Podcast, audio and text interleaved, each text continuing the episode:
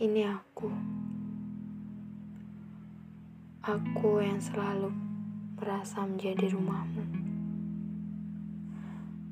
Aku yang selalu menyisakan ruang kosong di otakku untuk sekedar memikirkan masalahmu.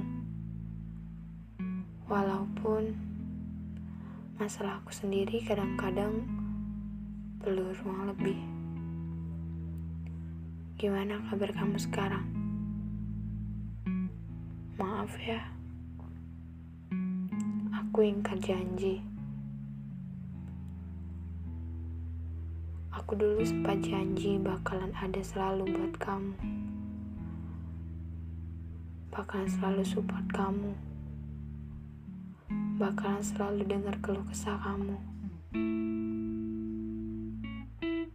Tapi sekarang aku milih pergi. Aku pamit. Ternyata aku tak sekuat yang kukira. Kamu tahu kan? Aku terlalu sering bawa perasaan. Aku takut sikap aku yang seperti itu bakalan bikin kamu gak nyaman. Aku takut.